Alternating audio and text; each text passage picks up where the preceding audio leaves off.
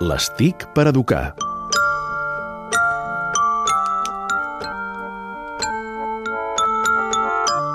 I avui a l'Estic per Educar toquem tots els temes, però sempre des de la vessant tecnològica. L'Albert Murillo ens en parla, el presentador de Generació Digital. Avui, còmics. Sí, eh, de fet vull parlar d'un autor de còmics, il·lustrador, eh, que es diu Kim Bou, i que ha presentat una aplicació que es diu Ornis Còmics. En aquesta aplicació es poden trobar dues biblioteques, pensades per dos tipus de lector.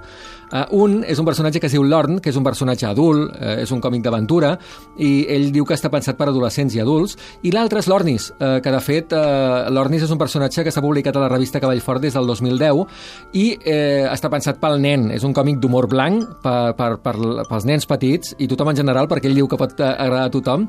I uh, per què m'agrada uh, uh, i per què he portat aquí aquest còmic? I és perquè, uh, evidentment, el podem veure a través d'una aplicació a través d'una tauleta, és, és ideal per, per poder llegir, però la gràcia és que mm, podem llegir aquestes aventures en quatre idiomes diferents i canviar l'idioma en qualsevol moment que estiguem llegint eh, aquella vinyeta, en anglès, francès, català i castellà, cosa que és fantàstic per aprendre, perquè en aquell moment que estàs llegint el que diu aquest personatge pots veure com ho diu en francès i com ho diu en, en anglès.